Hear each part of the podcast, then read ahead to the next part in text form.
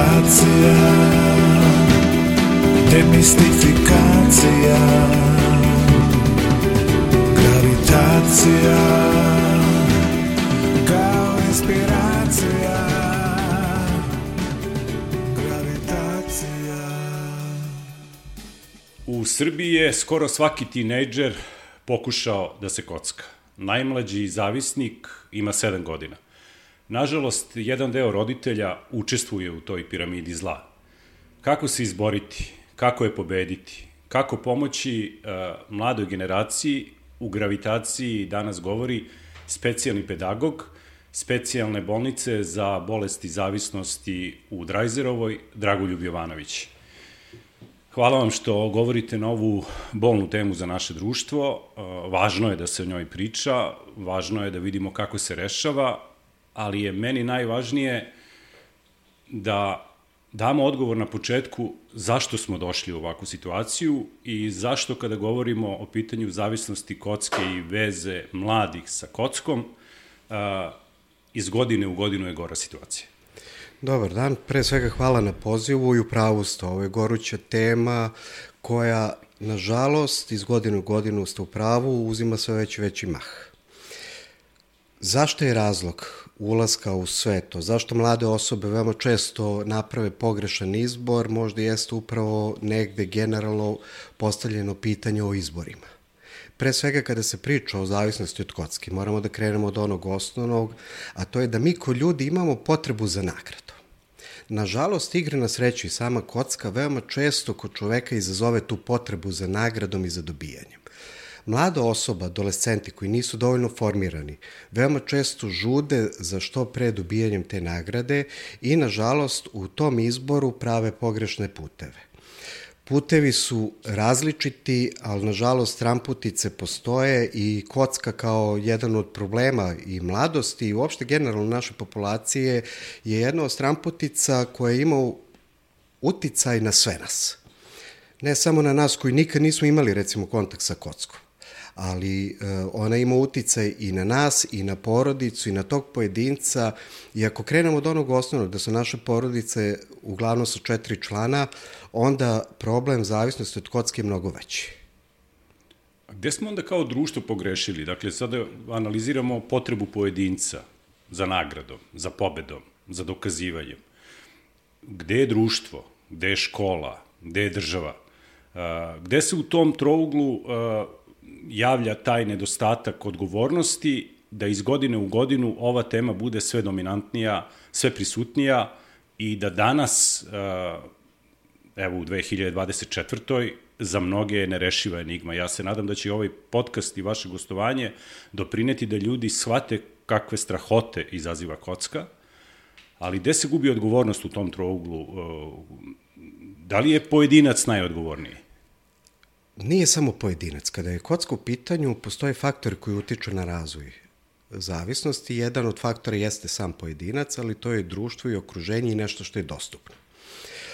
Ja uvek generalno polazim od onoga pitanja, to je da li ako ja preuzmem odgovornost, onda pravim izbor ili obrnuto. Ako napravim pravilan izbor, sam preuzeo odgovornost. Mislim da suština treba da bude tu negde. Da mi kod društva moramo da napravimo jednu jasnu, jedan jasan izbor toga da moramo da preuzmemo odgovornost svi zajedno. Ne možemo prebacivati loptu s jednog na drugog na trećeg. Problem kocki, uopšte problem zavisnosti je širok pojam koji obuhvata sve nas. S jedne strane, ako nešto ne uradimo, odgovorni smo. S druge strane, ako nešto uradimo, a ne uradimo kako treba, opet smo odgovorni. Mislim da prvi korak jeste u nekoj prevenciji koja, nažalost, kod nas koliko god se mi svi trudili da uradimo, svi očekuju brze rezultate, a zaboravljaju činjenicu da prvi pokazatelji preventivnih delovanja su tek posle 4-5 godina. Neke zemlje kreću preventivne programe da sprovode još u vrtićima i u jaslicama. Neke e, prevent, zemlje kreću preventivne programe u osnovnoj školi. Neke u srednjoj. Nas se to negde da izmešao. Da, da, da mi živimo možda u brzoj zemlji gde hoćemo brze rezultate, Jeste. sve i odmah gde, što je nemoguće. Ajmo onda da, da krenemo mi iz početka, uh, da dođemo na kraju do tih strahota koje ste i sami svedoci u, u vašoj klinici u Drajzerovoj. Kako sve počinje? prvo i osnovno čemu treba negde da postavimo sebi pitanje jesu šta su igre. Igre su nešto što je postojalo od pamti veka i što će uvek postojati. Ali to ne znači da je to nešto iskvareno ili pokvareno, nego da smo je mi pokvarili pre svega.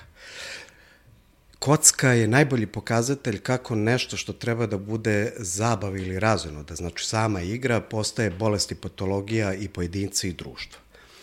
Početak je nažalost uvek neka da ili neko interesovanje ili možda čak i želja za dokazivanje kod mladih osoba i nepoznavanje posledice koje taj izbor nosi. Znate, kada se priča o kocki, u posljednje vreme se dosta mnogo priča. Ali ranije kada se kocka pominjala, to je bilo nešto ko polu tama neka. Niko o tome nije otvoreno toliko razgovarao kao u današnje vreme i veoma često problem kocke je ostao nevidljiv i za porodicu, i za samog pojedinca, pa i za društvo u celini. I negde upravo ta, mislim da je prvi korak u toj nevidljivosti tih ljudi. Jer sama kocka ko kocka i kada se priča o ulasku u bole zavisnosti, prva faza jeste faza pobeđivanja koja jeste zamka kocke, a to je da osoba oseti dobit. I veoma često, nažalost, iz te dobiti ona ima želju i potrebu za dokazivanjem još većim da bi dobio još više. Zamka je u tom sagledavanju, pogotovo adolescenata, za dokazivanjem da ako svi to rade, mogu i ja. Da se dokažem drugima da sam ja pametniji. Veoma često nama pacijenti kažu da kada su ušli u zavisnost, ušli su zato što su hteli da dokažu da su pametniji od sistema da oni mogu svojim znanjem ili čak i srećom da pobede sistem. I to jeste zamka kocke. Jer negde moramo da imamo na umu da svi smo mi podložni imamo mogućnost da uđemo u zavisnost. Da li će neko nas ući ili ne, je već neka druga karakteristika, splet nekih još okolnosti. Ali nema čovjeka koji ima. Svako od nas na jedan način, ako krene tim putem, može da uđe u zavisnost, a nažalost... Pa dobro, da li onda kada imamo recimo jednog tinejdžera koji odluči da popuni tiket ili da uđe u kladionicu koje su dostupne, prič, pričat ćemo o tome, u svom domu gleda ili svoje roditelje ili baku i deku koji igraju i loto i bingo. Mi možemo slobodno da kažemo da su to ili igre na sreću ili kocka. Sasvim sigurno pogađanje brojeva nije znanje. Da li su i baka i deka ili otac i majka koji igraju loto i bingo u kategoriji zavisnika ili je ta slika koju oni pokazuju igrajući igre na sreću svom unuku ili sinu potpuno je regularno da uđeš u kockarnicu i pokušaš ti nešto u čemu se bolje snalaziš, a to su parovi uh, futbolskog prvenstva Engleske ili Italije. Problem je početak, a to je ovo pokazivanje, što ste dobro rekli, a to je da mi zaboravljamo činjenicu da nas deca posmatraju nas deca imitiraju. S jedne strane. S druge strane, mi smo društvo gde veoma često se ranije i godina dešavalo da očevi stave decu da zajedno odigraju tiket. I ne vide ništa loše u tome. Ali ne vide uzor koji su poslali toj mladoj osobi da ovo što ste rekli potpuno normalno uđu. Naš zakon zabranjuje za maloletnike ulazak u objekte i to je sa jednim jasnim ciljem, a to je da pokušamo da ne dozvolimo da do, dođe do razvoja zavisnosti, jer svi znamo kakve su mlade osobe, sa jedne strane. S druge strane, ako vi imate situaciju unutar porodice, ovo što ste rekli, da baka, deka odigra bingo, loto, šaljemo sliku da je to nešto normalno, a bez da smo objasnili osobi da li je to može da preraste u problem. Jedna interesantna činjenica koja nekako može da se poveže i na kocku jesu recimo i graonice ili tramboline. Znate, na svakoj trambolini piše da nije za decu izna, ispod tri godine, a roditelji bez problema stave dete od godinu dana. Ne razmišljajući dokle to može da dovede. E, tako, nažalost, i mi kod društva veoma često i naše porodice ne razmišljaju da jedan postupak može da dovede do niza posledica. I mislim da negde trebamo svi da se zapitamo o tome zašto i sa kojim ciljem nešto radimo pred nekim. Sa kojim ciljem smo mi uzeli nešto što je zabava i da li smo mladoj osobi objasnili da je to zabava ili smo ga pustili da sam odlučuje o tome. Nisam siguran da mlada osoba može da razluči da li je uh, kocka, zabava ili bolest. A da li onda ona, ako govorimo o klađenju, igrama na sreću, loto ili bingo, oni su, da kažem, negde vremenski ograničeni. I vi kada popunite tiket lotova, država vam daje, državna lutrija, e, naredno izvlačenje za 7 dana. Kao kada bi pričali o alkoholizmu kao bolesti, da ako svakodnevno konzumirate alkohol, vi polako e, postajete alkoholičar. E, ako popijete čašu vina jednom nedeljno, ne spadate u kategoriju ljudi koji su skloni alkoholu. Da li to mlađe generacije mogu da shvate i, i da li se bolest zavisnosti definiše i kroz vremenski period ili ne? Bolest zavisnosti se definiše i taj, kroz taj vremenski period i kroz posledice i dešavanje koje sama za sobom nose. Upravo ste što se tiče ovoga da postoji vremensko ograničenje. Jedan od recimo faktora rizika za stvaranje zavisnosti jeste brzina, to je učestalost igranja igara na sreću. Ako vi imate igre na sreću koje se igraju jednom nedeljno, mladoj osobi ona neće da bude zanimljiva.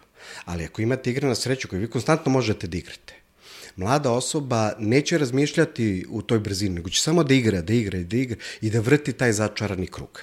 Samim tim, uh, koliko neko brzo igra i koliko učestalo igra, sebe dovodi u sistem razmišljanja i socijalnu izolaciju, znači prelaska u samo razmišljanje o igri. Recimo, najveći, jedan od najvećih problema bolesti, zaista pogotovo recimo kocke, jeste ta socijalna izolacija gde se pojedinac izoluje i iz porodice, i iz okruženja i ceo njegov svet je okrenut samo ka igri na sreći to jest ka kocki. Pokušava da sve svoje životne probleme koji su upravo nastali kroz kocku razreši upravo sa tim faktorom. Stres koji je recimo možda negde i najbolji opis koji može da se primeni da bi se taka osoba negde recimo kategorizovala i primetila jeste da ga svi doživljamo. Ali ako je stres za nas bolest, onda smo u problemu. Igre na sreću su veoma često stresogeni faktor, to je bolest tog pojedinca i njegovog društva, to je porodice. Na taj način pff, idemo konstantno onaj začaran krug. Znate, kada se priča o društveno dozvoljenom igranju igara na sreću, onda pričamo o jednom velikom broju ljudi koji su ušli, odigrali jedan tiket i više nikad nisu igrali. Probali su, videli su njih to ne zanima, ne interesu ih, ne trebaju. Ili imaju želju s vremena na vreme da odigraju za neku malu svotu novca koju oni smatraju da mogu da potroše. Sa jedne strane. S druge strane, ako vi već trošite novac koji nemate, ili pokušavate da zaradite novac upravo kroz kocku, e onda možemo da pričamo o razvoju problema. Kada se priča uopšte o bolestima zavisnosti, pogotovo u kocki, moramo da imamo uvek na umu da postoje određene faze kroz koje pojedinac prolazi u razvoju bolesti. Prva faza je, nažalost, faza pobeđivanja koju svaki pojedinac doživi i to je taj lažan osjećaj dobiti. Znate, ja sam nešto dobio i ja to znam. Sledeća faza je faza koja pojavljuje se faza gubitaka, znači imamo male gubitke, ali su oni za pojedince prihvatljivi i još se ne posmatra kao problem. Nažalost, mnogo su problematični one naredne dve faze, to su faze očaja e, gde su to problemi toliko narasli da pojedinac više i sam ne veruje mogućnost izlaza iz tog problema, ali on i dalje nastavlja da igra igre na sreću i dalje kocka sa željom da on to pokaže svima da je on bio pametniji. Ono što negde generalno moramo da razmišljamo i onom drugom pravcu, to je u kom trenutku pojedinac može i sam da se zaustavi. Da li ja ako imam razvijenu zavisnost od kocki mogu da se zaustavim sam? Ili je to možda još jedna od zamki koje kocka i opšte zavisnosti nose, gde veoma često porodice usled nekih lažnih obećanja poveruju u to da je neko stao i puste određen vremen perioda da prođe, ne razreše sve one da kažem, unutrašnje sukobe koji su i doveli do kocke i samo čekamo povratak na staro. Sad kad smo kod ove teme, naš medijski partner e, Media Centar ima jedno pitanje za vas, tačnije dva. Kakva je tipična klinička slika mladih zavisnika? Ponašanje, razmišljanje, emocionalni doživljaj i zašto danas mladi lako razvijaju zavisnost? Kao i pitanje koji su najčešći oblici ispoljavanja zavisnosti kladionice slot mašine. Ja bih krenuo do one te emocionalne karakteristike kod mladih osoba, jer možda je tu i da kažemo, ključni odgovor na ovo pitanje, to je da ako vi imate mladu osobu koja nije dovoljno emocionalno razvijena, ona neće imati emotivan odnos u odnosu na problem u je ušla. Neće ga ni primetiti. Znate, mlada osoba gubitak ni ne oseti. Za njega je to nešto što je sastavni deo, s jedne strane, s druge strane, mlada osoba kada oseti nagradu, ima mnogo veći emocionalni doživljaj i potrebu za tom nagradom. Veoma često naši pacijenti kažu da taj osjećaj koji su oni dobili kada e, imali kada dobiju prilikom igranja, prilikom kockanja, kažu da je neverovatan za njih bio. I da je to nešto što ih je dovelo do te situacije da opciju da prekinu igranje ne vide kao razumnu opciju. Imate grupu pacijenata koji su rekli da je njima u jednom trenutku postalo uopšte nebitno da li dobijaju ili gube. Njima je bilo bitno samo da osete taj emocijni doživljaj i to uzbuđenje dok igraju igre. Jedan pacijent je to možda i najbolje opisao, to je rečenicom, kaže, meni je bilo bitno da uplatim. Da li ću da dobijem ili ne, uopšte nisam razmišljao. Samo ta moja potreba da ja osetim nalet emocije dok uplaćujem. To je prva karakteristika koja je negde dosta i vezana za mlade osobe. Mlada osoba uvek smatra da može da iskontroliše emocije, da emotivno su oni dovoljno zreli, jako nisu dovoljno zreli. Upravo iz tih emotiv, emotivne nezrelosti prave pogrešne izbore. Jer ako vi imate osobu koja emotivno ne može da prihvati neke stvari ili ako vi nekoj mladoj osobi kažete da ona nešto ne može, to je kod da ste mu rekli ti ne postojiš, nažalost. Kada govorimo o mladim ljudima, koliko je mladih ljudi onda po vašoj statistici danas u Srbiji ugroženo i koliko mladih ljudi je zavisno od kocki?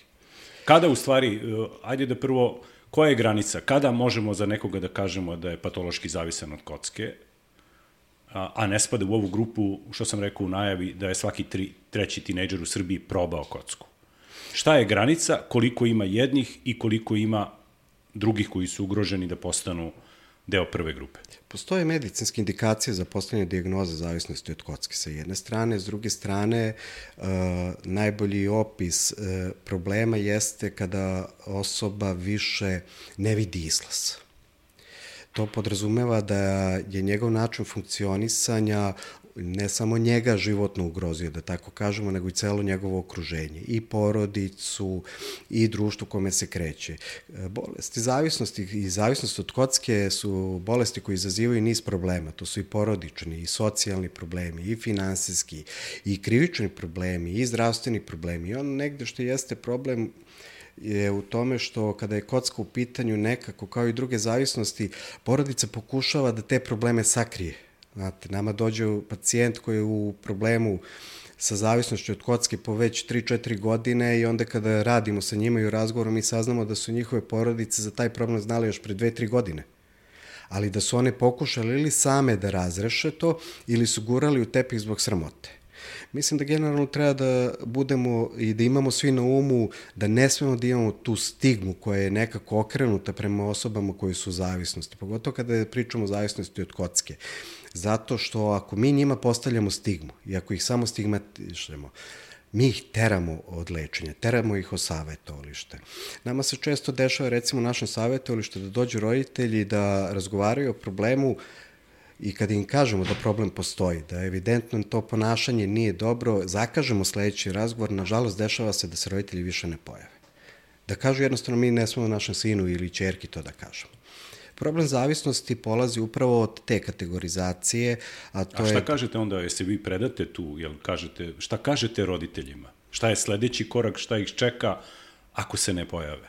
E, predaje nema. Bolesti zavisnosti su veoma često Sizifov posao. Znate, vi konstantno uh, radite sa tom porodicom, konstantno radite s tim pojedincom, uvek imate na umu da može da dođe do recidiva, a trudite se da to zajedno sa i pacijentom i porodicom prevaziđete da do toga ne dođe. Veoma bitno su savjetovališta kao prvi korak gde osobe kada dođu, ako nisu spremne za lečenje, se motivišu da uđu u proces lečenja. Motivišu se da se zadrže u sistemu koji će im pružiti podršku u promeni ponašanja, pa se čeka pogodan trenutak za ulazak u lečenje. Dešava se veoma često da nama e, pacijenti dođu sami, a da onda mi kroz proces lečenja motivišemo porodice da se uključu u lečenje. Ja neću nikada zaboravim pacijenta koje, kada smo, koje leže na hospitalu i kada smo ga postavili pitanje za onu čuvenu veliku pobedu pobedu je rekao ja nju nikad nisam doživao, a dočekao sam da molim vas sve ovde da nekako stupite u kontakt sa mojom ženom da mi dozvoli da vidim dete.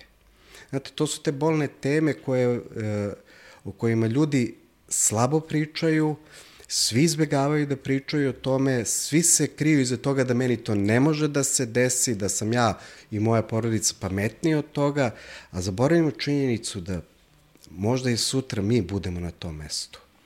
I moramo voditi računa upravo u tom kontekstu, a to je na koji način mi kod društva ćemo pristupiti tome.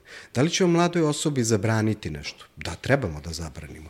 Jer definitivno u određenom stepenu razvoja svih nas moramo da imamo zabrane, koliko god se to nama svidelo i ne, jer one nisu postavljene zato što da bi se nešto zabranilo, nego zbog posledice koje može izbor da dovede.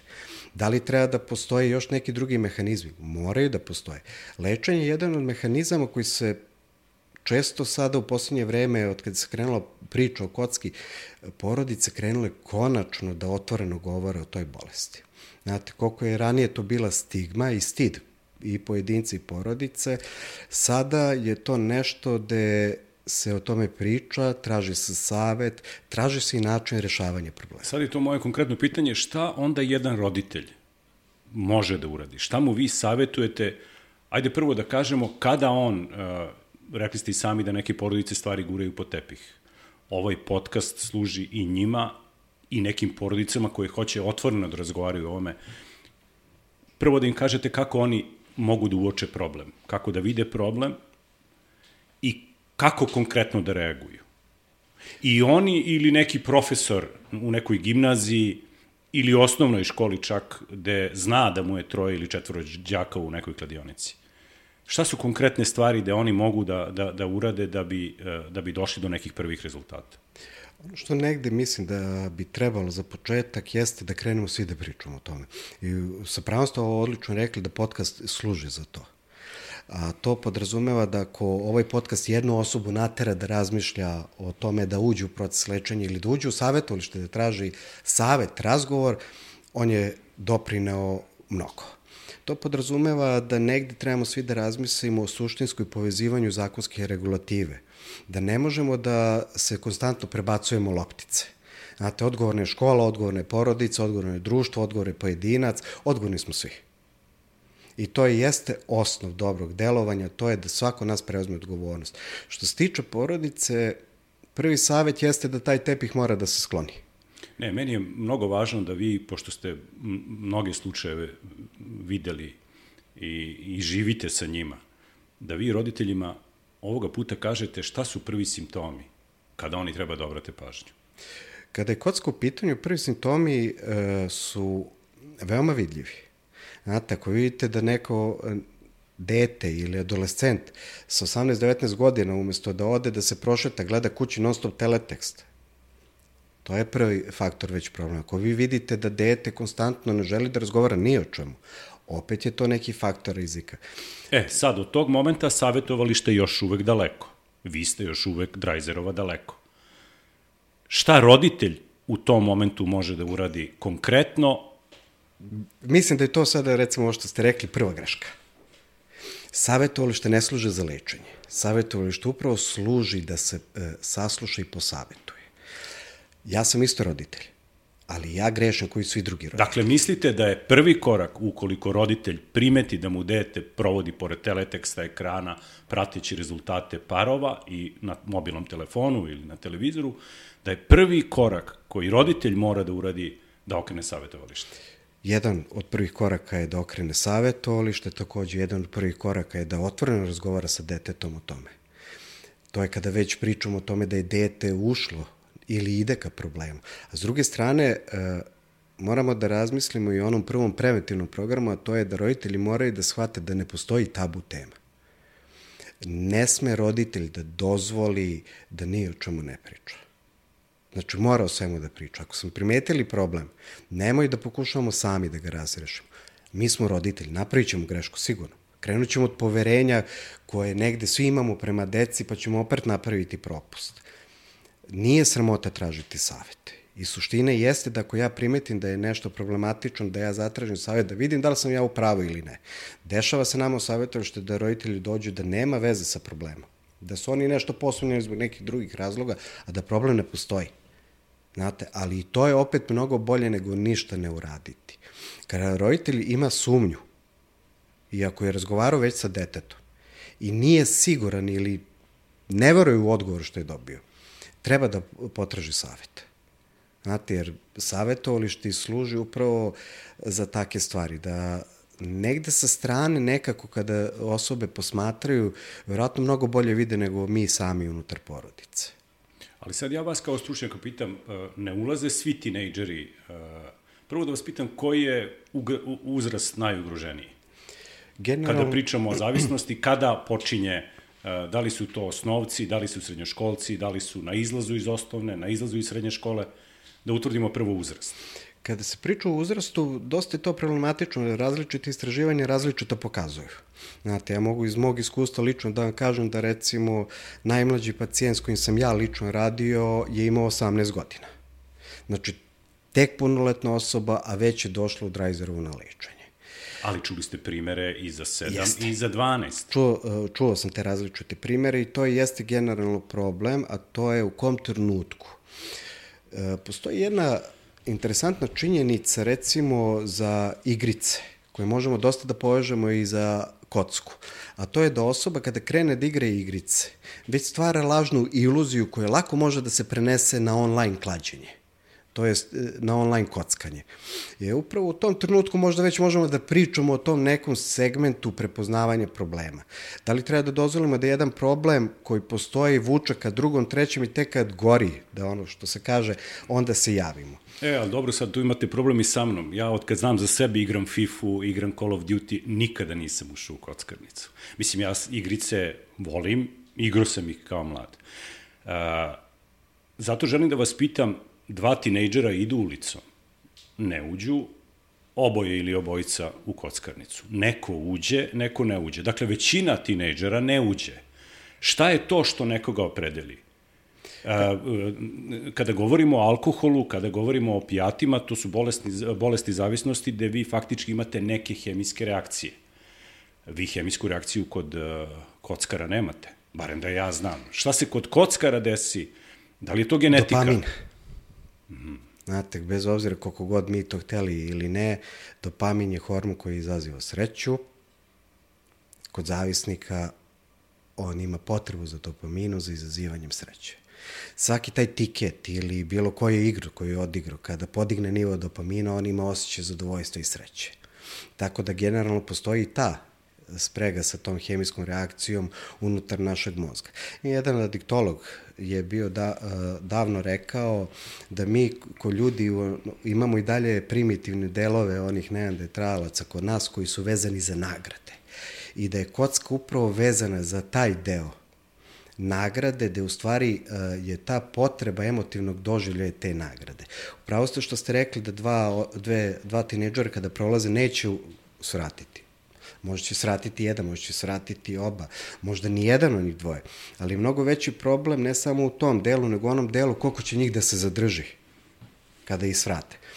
Otprilike, da kažemo, od svih onih koji su ikada igrali igre na sreću, 85% nije ušlo u zavisnost niti će ući u zavisnost. Bez obzira što kockarnica stvara takvu atmosferu Jest. potpune opuštenosti, koliko sam čuo tamo nema satova na zidovima, nema. da izgubite pojam o vremenu, nema pojma vremenu, uh, jednostavno je stvoren ambijent takav kakav jeste, ali opet to ona naša individualna karakteristika. Vi sami, sami ste rekli da ne ide to u kockanicu. Ja uvek često kažem, pogotovo kad me neko pita, radije ću dodem da pojedem čokoladicu nego da odigram tiket, jer jednostavno ja volim slatko. Znate, to su one stvari izbora mi kao pojedinaca koji imamo. Ako se sklope kockice, nažalost, kada je zaista kocke u pitanju, kod jednog dela ljudi se sklopi, a to su sama sredina, sama dostupnost, sama ta unutrašnja karakteristika pojedinca i njegovo interesovanje, onda smo... Ali možemo da govorimo i o genetici. Postoji predispozicije genetski da postoji mogućnost ulaska u zavisnost, ali to je ona je generalno vezana za sve zavisnosti. E, znači, ja sad, koliko o tome jeste ili nije, je veoma diskutabilno pitanje, barem sa moje strane, jer ako nešto imamo, i ako ja imam tu genetsku predispoziciju, a ne mogu da to uradim, jer mi recimo zakon ne dozvoljava, ja neću ući u zavisnost. Znate, bilo je primjera, recimo, pokušaja zatvaranja svih kockarnica da pokušaju na takav način da razreše problem, napravio se još veći problem. Jer To je slučaj Albanije. Albanija je recimo kao jedna od zemalja koja je to pokušala, pa oni su 2023. godine krenuli u razmatranje vraćanja određenih igara na sreću zato što su shvatili da tek tad nemaju kontrola. A to je to što e, postoji opasnost da i da se zatvore kockarnice, postoje online platforme Jeste. koje generalno prave problem svude u svetu. Online platforme su najbolje, se po, e, poka, najbolje, po navodnicama se pokazala opasnost tih online platforma za vreme korone. Kada su svi prešli na online i nekako smo krenuli da virtualno živimo. I ima jedna e, mnogo bitna stavka kod online klađenja, to je osjećaj e, da ne postoji taj novac. Znate, kad vi imate nešto virtualno i nemate dodira sa tim, pa vi tek onda nemate vrednost. A ako kockar nema vrednost prema novcu, zamislite tek e, e, taj osjećaj prema nečemu virtualnom, što ne postoji. ne postoji, da, On tek onda realnom. neće imati osjećaj dobiti i gubitkom. Će konstantno juriti to, taj sistem nagrade da još sve više i više negde pokrene kod sebe. Mnoge zemlje su to pokušale da re, regulišu postavljanjem zabrana, koliko na nekom nedeljnom nivou sme, smeju da osobe potroše igr, igrajući igre na sreću, na kockanje, na klađenje. Postoje razni mehanizmi koji tu mogu da nas zaštite. Upravo sa ciljem ograničavanja, jer ako nešto postoji, ne znači da mora da bude dostupno i pristupačno svakom. Mora se napraviti tu jedna jasna razlika ko uopšte sme da igra igre na sreću, ko uopšte sme da, da kocka, da tako kažem. Da. Ovde smo spomenuli uh, genetiku, spomenuli smo društvo, spomenuli smo dostupnost i to jesu jedni od osnovnih stubova i mislim da smo preskočili jedan takođe ne manje važan, to su mediji. Kako se mediji ponašaju u svemu tome? Uh, vidimo da reklame na sve strane pršte i sa druge strane zakonom to nije zabranjeno, dok se ne zabrani, to je tako. Ali da li ima dovoljno emisija i edukativnih sadržaja koji bi napravili protiv težu uh, tom agresivnom, uh, agresivnom kampanjom kockarnice? Mislim da u ovom trenutku nema dovoljno emisija i tu ste u pravu da mediji šalju pogrešnu sliku. Kogod da reklamira, treba se vidi da postavi e, malo drugačiji pogled, to je šta ja dobijem od toga. Mi smo skoro radili neko, o, jednu obuku i jedna e, gospođa iz jedne kuće je rekla, uzeli su da im dele flajere i devojka koja je prišla dala je njenom sinu koji je maloletan taj flajer. Ona je lično napravila buku i haos i postavila pitanje kako mi možemo nekome da damo da nas reklamira i da deli flajer, a da ga pritom pre toga nismo dobro obučili kome sme i da priča. Priđe. Znate, ako ja recimo priđem sa flajerom kada delim nekome sa 40 godina je jedno, ali ako ja priđem nekome sa 40 koji sa malim detetom, potpuno je drugačija slika. Te ja nikad neću zaboravim kada smo radili jednu kampanju e, vezano za droge, kada sam prišao jednoj majici i dao flyer i kad me pitala šta je to kad sam je rekao da je to vezano za droge, ona je meni rekla, meni to nikad ne može se desiti, meni to ne treba. Ja sam vam postavio jedno prosto pitanje, otkud to znate? Istog trenutka je gospođa uzela taj flyer i rekla, upravo ste. Tako i mediji. Nažalost, Mislim, zakonski to nije zabranjeno još uvek. Jeste. Negde se najavljuje da bi možda moglo da se reši izmenama zakona. Uh, zakon je možda i dobar, ali se ne primenjuje kada su u pitanju maloletna lica, nego je meni vrlo interesantno da sve te televizije koje to reklamiraju i od toga verovatno i žive, uh, zašto nemaju tu vrstu ambicije da pozovu stručnjaki i da s neke druge strane naprave kompenzaciju ili očiste svoju savest pozivajući mlade da se kockaju tih edukativnih sadržaja, o čemu recimo vi ja danas govorimo u ovom podcastu, nema na nacionalnim frekvencijama. ne samo na nacionalnom, na bilo kojoj frekvenciji, uh, kada se priča o kocki, koji je o narkomaniji, alkoholizmu, priča samo kad se problem pojavi. Znate, vi ste recimo jedan od prvih, barem u mom ličnom slučaju, koji je zvao sa strane da priča o ovoj temi. Nije čekao da se problem pojavi ili nešto pa kaže, e sad ću zato što je to sad in, to je trenutno, dići mi rejting nego ste zvali zato što ste prepoznali da o tome treba da se razgovara. Prepoznali ste ne trenutak, nego situaciju. Mediji zaborave činjenicu da kad i nešto plasiraju, ako plasiraju na pogrešan način, koliko god da su čak imali neku dobru nameru, napravili su pogrešan korak. I mislim da negde generalno problem kada se i priča o medijima, uticaj medija, ne samo na ovaj deo, nego i na prevenciju, jeste onaj pokazatelj preventivni. Znate, ako nešto treba se čeka na 4-5 godina, to nekome nije interesantno da toliko čeka i veoma često naprave grešku zato što pompuzno nešto stavljaju i posle dan, dva to se zaboravi, gurne se po tepih, opet oni čuveni, krene neka nova tema, nešto novo i svi zaboravimo umesto da iskoristimo moment. Veoma je bitno da mi kod društva iskoristimo moment i to je ono što sam rekao malo preko ovaj podcast. Jednoj osobi pomogne, ja ću smatrati da je on fenomenalno odradio svoj posao. Ako dovede dve, tri osobe u savetovalište, isto još, još bolje odradio svoj posao. Ako će da podigne nivo svesti pojedincima, odlično je. Kada bi se gledalo i kada bi se, lično ja pitao, mislim da bi negde uveo obavezu da postoje preventivni e, programi, preventivne emisije na svim medijima. Znate, ne možete vi da stavite nešto, a posle da ostavimo to je tako, a da nemamo preventivnu aktivnost koja je suprotno tome. I negde možda to i jeste problem onog uticaja medija, što mislim da nekako ljudi olako shvate to što urade, ne razmišljaju o posledicama, ne razmišljaju o tome šta to može i dokle može da dovede. E pa da vidimo dokle može da dovede da bi ovaj podcast imao tu vrstu efekta. Mi smo krenuli kako to nastaje, pa smo imali našu priču kako se razvija. E, sada ćete da mi kažete kakav je kraj.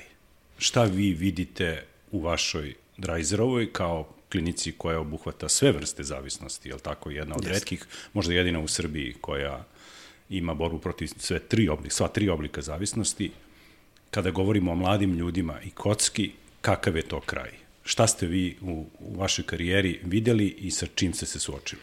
Znate, kada se priča o Drajzore, prvo pre svega bih rekao da mi u ovom trenutku imamo preko 1600 otvorenih kartona, što se tiče kocke. Znači da je 1600 osoba došlo u Drajzerovu i zatražilo pomoć.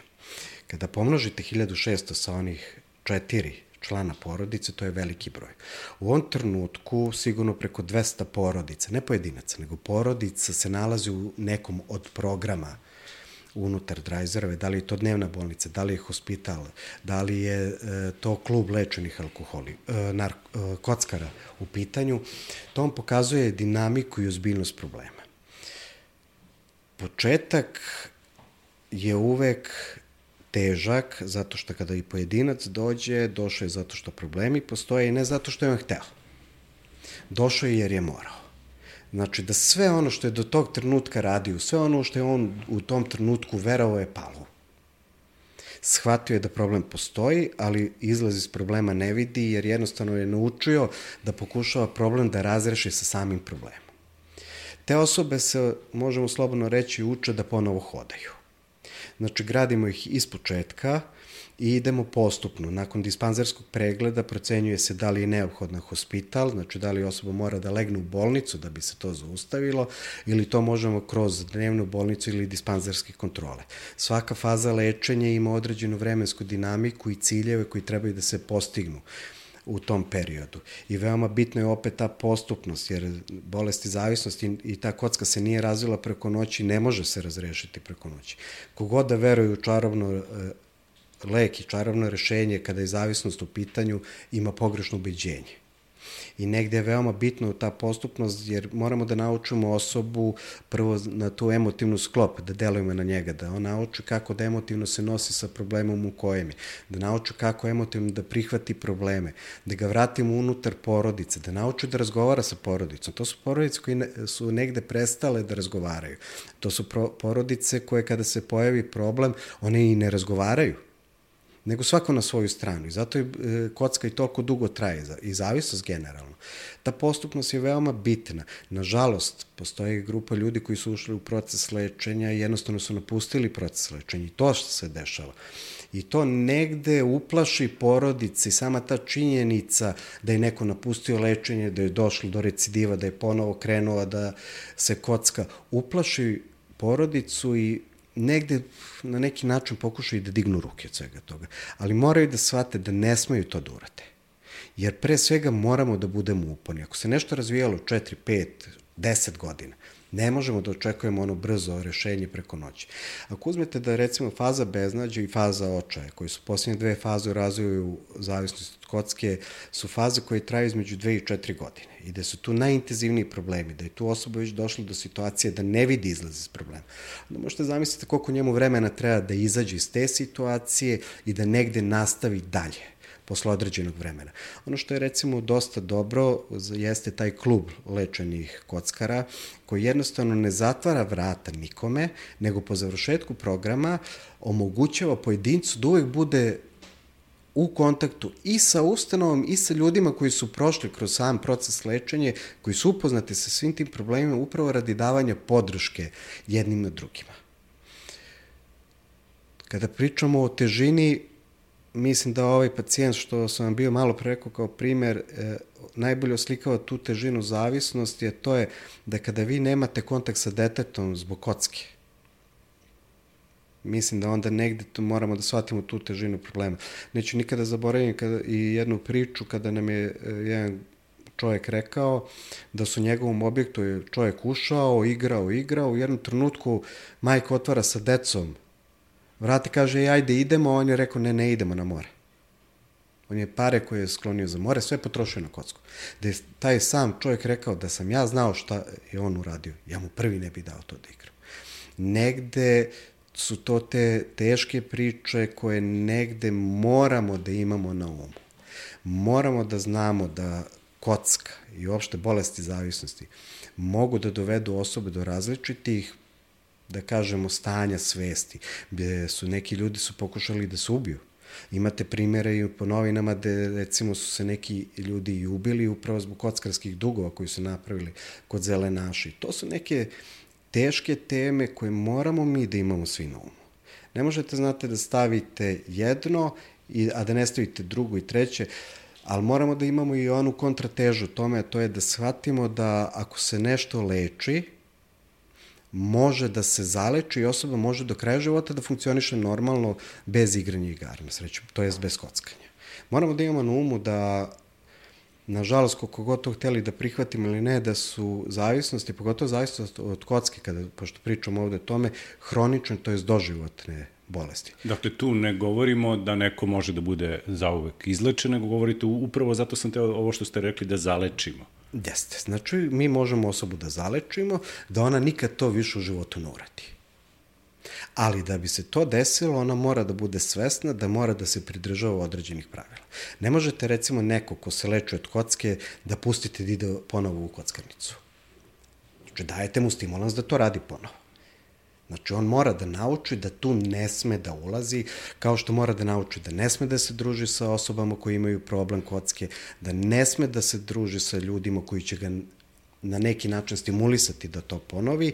Sa jedne strane, s druge strane, pojedinac i porodica moraju da nauču da otvoreno govore o tome. Znate, jer a, ako ja ne znam da vi imate problem sa kockom, ja ću vam reći, ajmo da odemo negde tamo. A s druge strane, ako vi meni otvoreno kažete, ili e, da imate taj problem i ja vas i dalje zovem, treba sebi da postavite pitanje da li sam ja onda stvarno prijatelj. Da li sam ja neko ko želi da vam pomogne ili sam neko ko pokušava da vas uruši.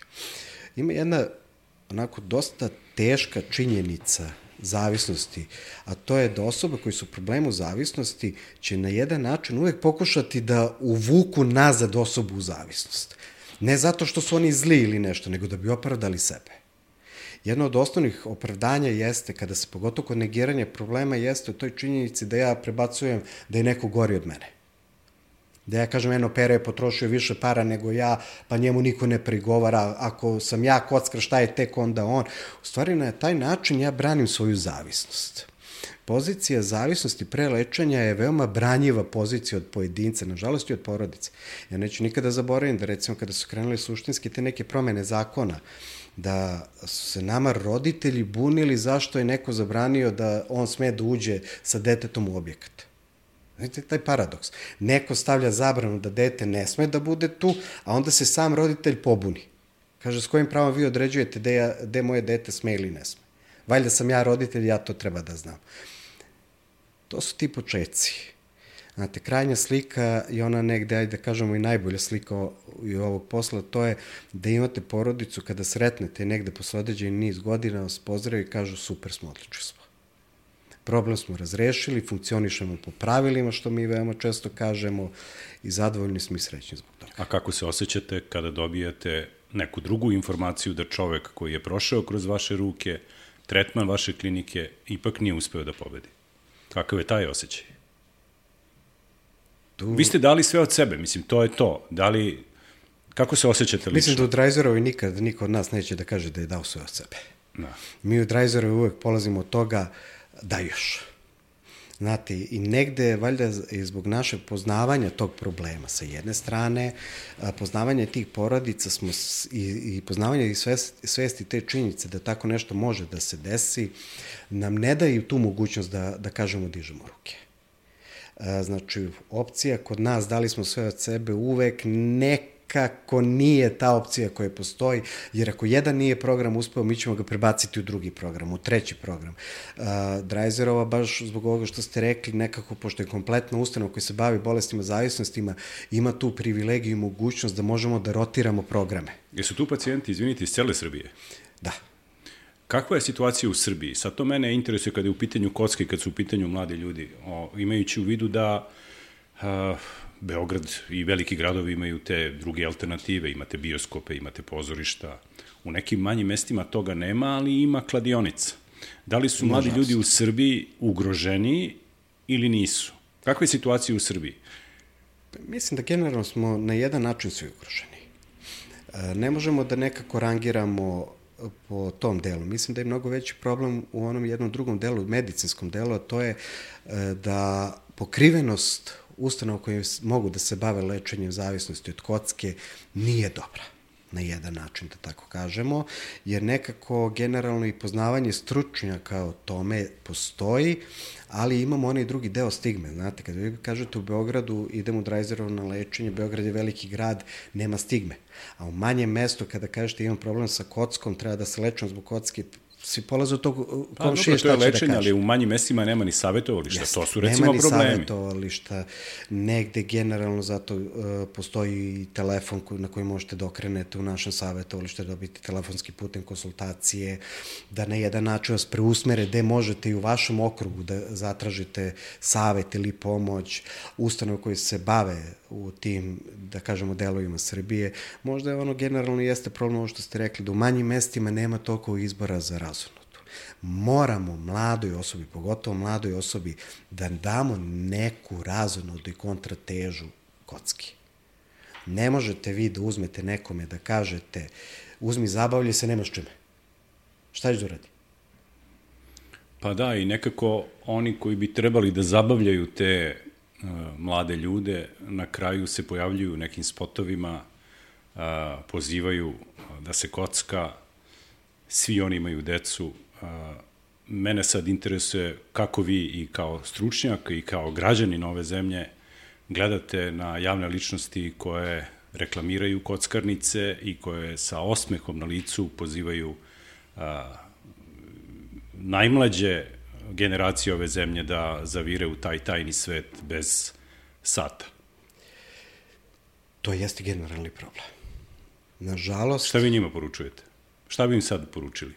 Pa ja bih poručio ono što bi sebi poručuje, to je uh, da treba da razmislim ne zbog sebe, nego zbog dece. Znate, dok, uh, dok nisam postao roditelj, imao sam privilegiju da razmišljam na jedan način. Onog trenutka kad sam postao roditelj, tu privilegiju sam izgubio. Jer uh, moj postupak ne da će da ima posledice na mene, nego može da ima posledice na moje dete. I moram da vodim računa. Javne ličnosti na svoj način moraju da shvate teret toga što su javne ličnosti. Znate, to što je neko javna ličnost mora da zna i da shvati da neke stvari će mlada, pogotovo mlada osoba da uradi samo zato što mu je to uzor. Ne zato što misli da je to pametno, što je on rekao, nego samo zato što je to moj uzor uradio, zašto onda ne bi i ja to uradio? Znate, to je ko, ko gledalo sa roditeljima. E, sa 5-6 godina ja sam slušao roditelje. Sa 12-13 sam se bunio, sa 17 godina sam smatrao da su moji drugari mnogo pametniji od mojih roditelja. A, onu čuvenu rečenicu vidjet ćeš kad budeš imao svoje dete, sam tek sa 30 i nešto godina shvatio tu jednu težinu rečenice. E tako i javne ličnosti, uopšte bilo ko ko uđe u reklamiranje kocke, treba da razmisli o toj težini toga što radi. Ne, ne o tome uh, da li je to dobro ili loše, da li je pametno ili nije pametno, nego treba da razmisli o tome kako će to da utiče na sve nas. Na prvo tu mladu osobu, na srednje doba i na stare. Znate, imali ste primere da su neke igre na sreću stavljene u filmovima. Čuvena tesna koža koju ne možemo nekako da ne, ne pomenemo i onu bakicu, ali to ono je stavljeno u jednoj smešnoj konotaciji. Ljudi su se smejali tome, sa jedne strane. S druge strane, neke Danas stvari došli, nisu da, smešne. više ništa nije smešno. Hvala vam što ste bili uh, gost u našem podcastu. Uh, mogu da vam obećam da ćemo da nastavimo da se bavimo ovom temom. Čuli ste Dragoljuba Jovanović, vi što vodite ovu državu, imate moć odlučivanja, vi poznati glumci, košarkaši, pevači, pevačice, još koji put pogledajte ovaj podcast, sve dok ne bude kasno i dok iza vrata neke kockarnice ne ugledate i vaše dete. Situacija je ozbiljna, uozbiljite se.